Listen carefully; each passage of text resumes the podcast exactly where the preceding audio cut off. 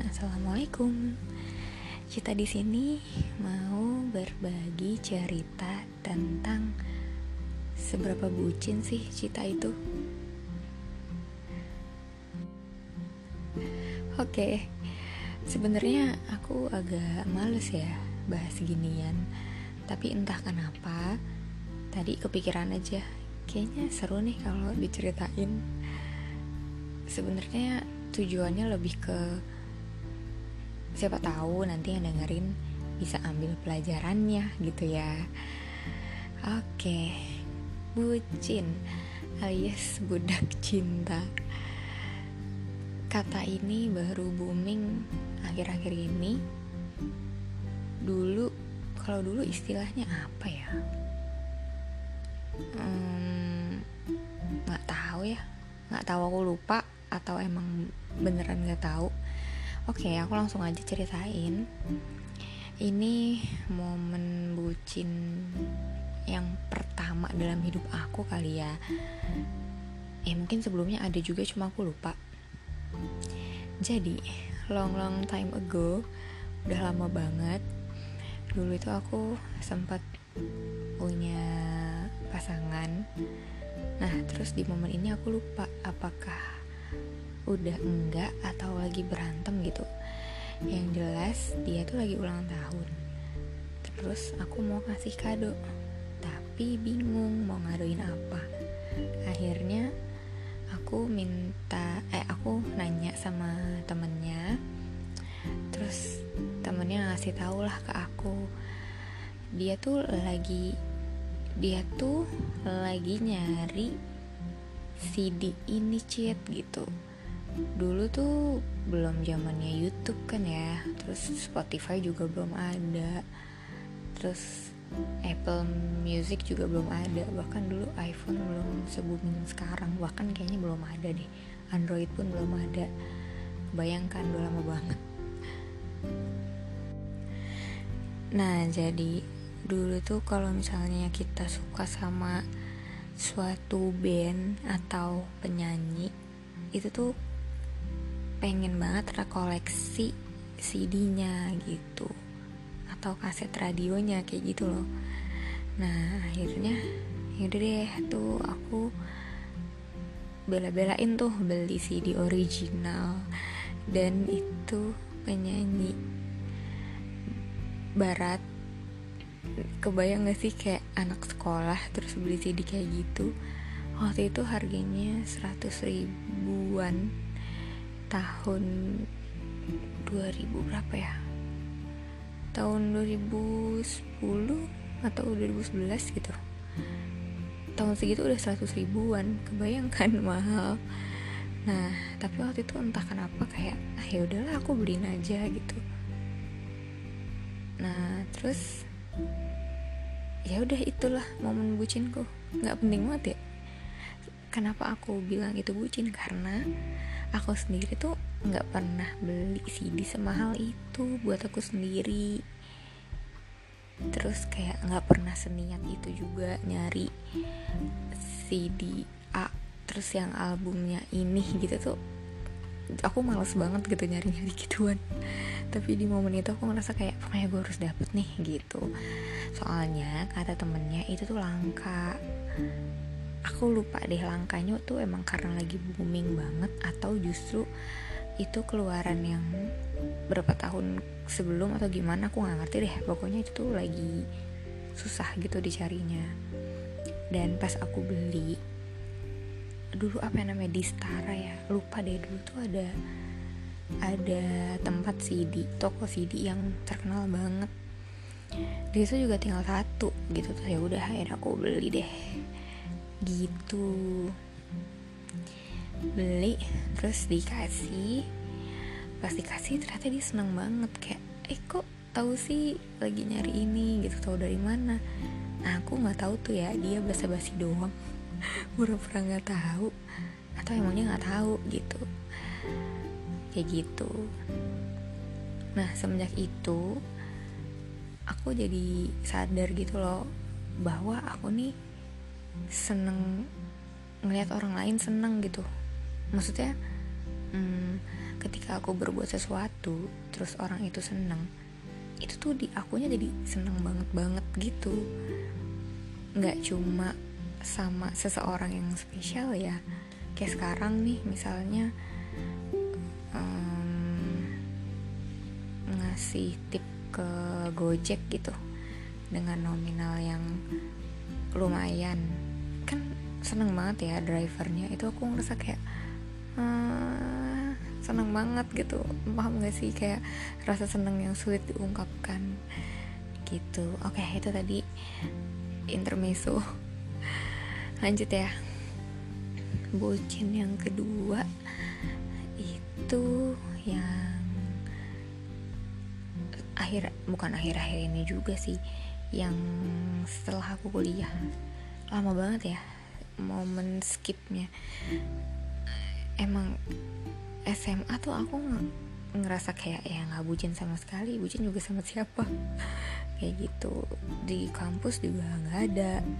Nah setelah lulus kuliah baru deh aku menjalin hubungan lagi sama laki-laki yang pasti ya.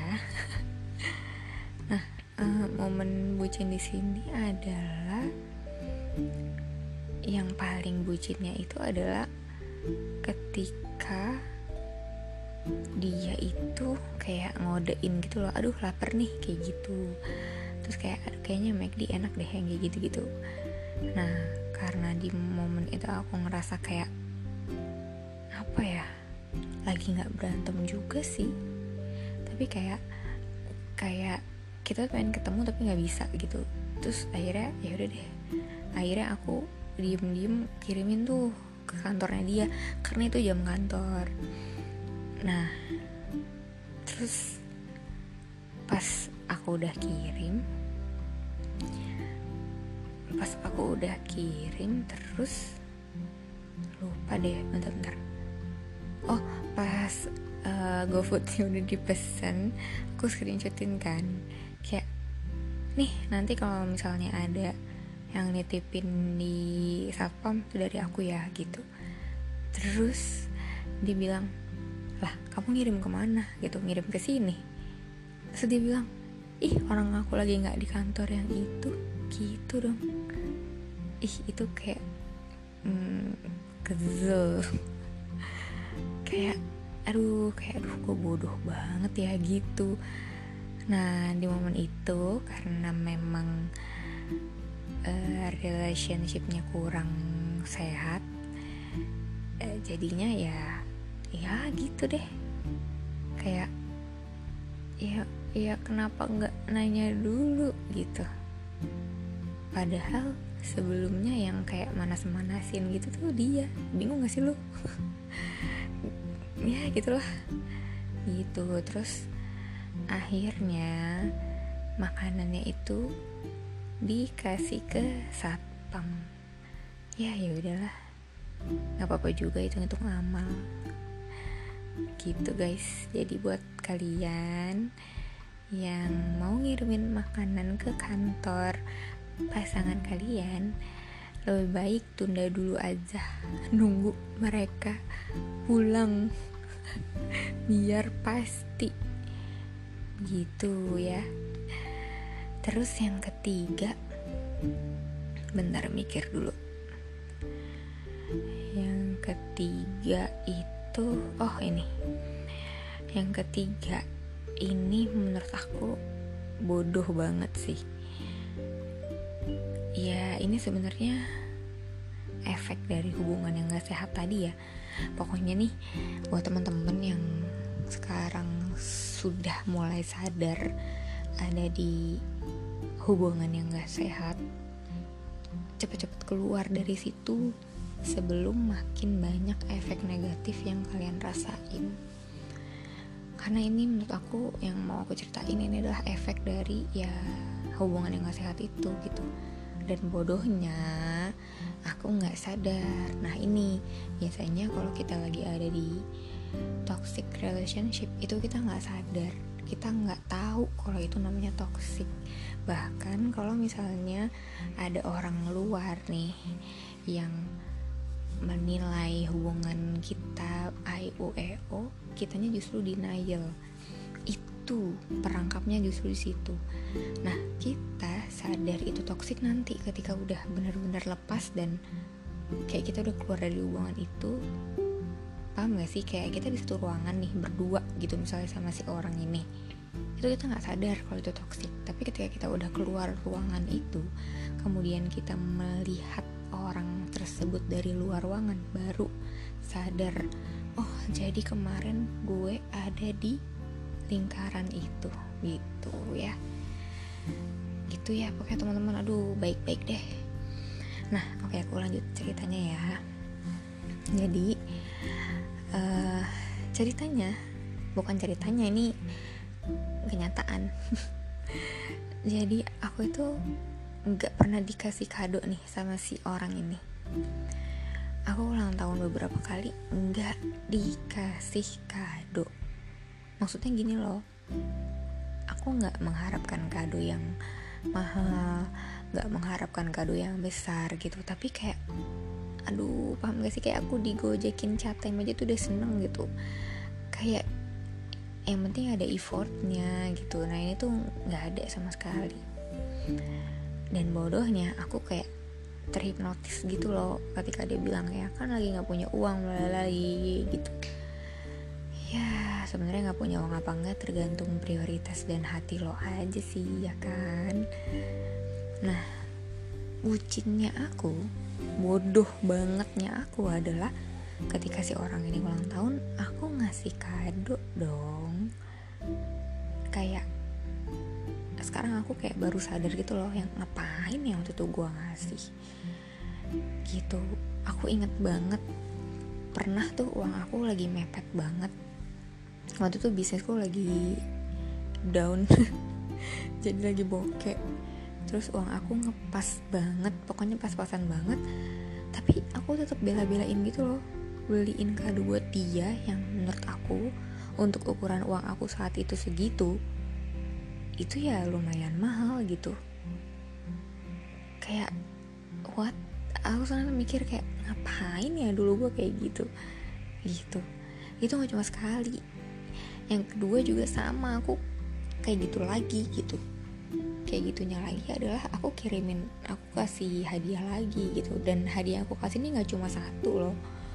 Dua items yang yang dua-duanya ya lumayan gitu. Lumayan dalam arti lumayan. Nggak gede-gede banget tapi buat aku ya lumayan lah. Gitu padahal aku ulang tahun nggak dikasih apa-apa. Jadi kayak lu bodoh banget. Aku pengen ngomong kasar tapi nggak enak. Gitu ya. Aduh. Ya gitu deh. Terus yang terakhir hmm, aku kan aku kan suka jalan-jalan ya. Nah pernah ada momen beda kota nih. Bodohnya aku adalah kalau misalnya si orang ini ngomporin gitu ya kayak uh, lagi jenuh kan ya udah sini ke sini aja gitu. Terus kayak di otak aku langsung mikir kayak iya ya apa gue ke sana aja ya daripada gue di sini nyari temen jalan tuh susah gitu. Mau main juga bingung sama siapa terus akhirnya sana dong aku. Dan itu berkali-kali nggak cuma sekali dua kali doang. Yang sekali jalan tuh ya lagi-lagi lumayan gitu. Menurut aku itu bucin yang bikin bodoh banget sih. Terus sekarang aku baru sadar kayak kenapa dulu gue nggak nyari open trip aja ya? Kan banyak gitu loh. Terus kenapa dulu nggak coba tripnya BPJ ya gitu. Padahal aku udah tahu BPJ tuh dari lumayan lama. Bodoh banget sih.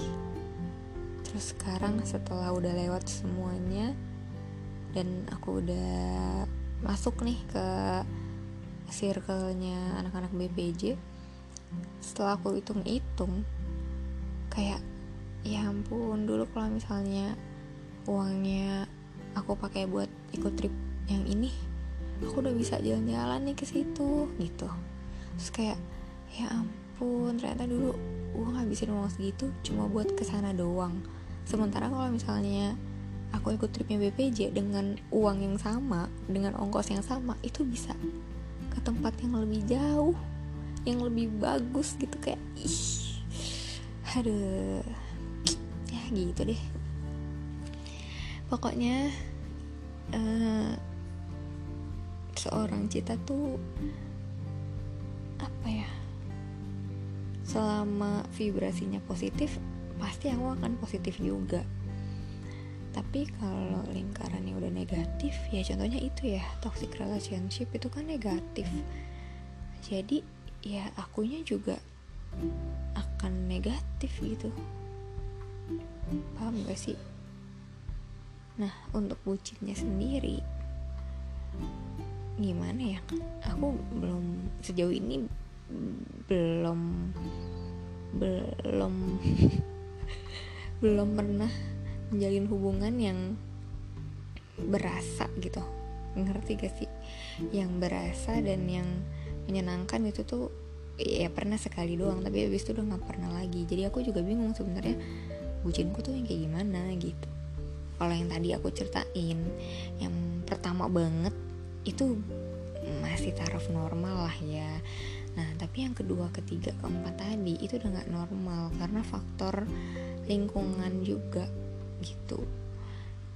Jadi aku nggak tahu sih bucin aku segimana.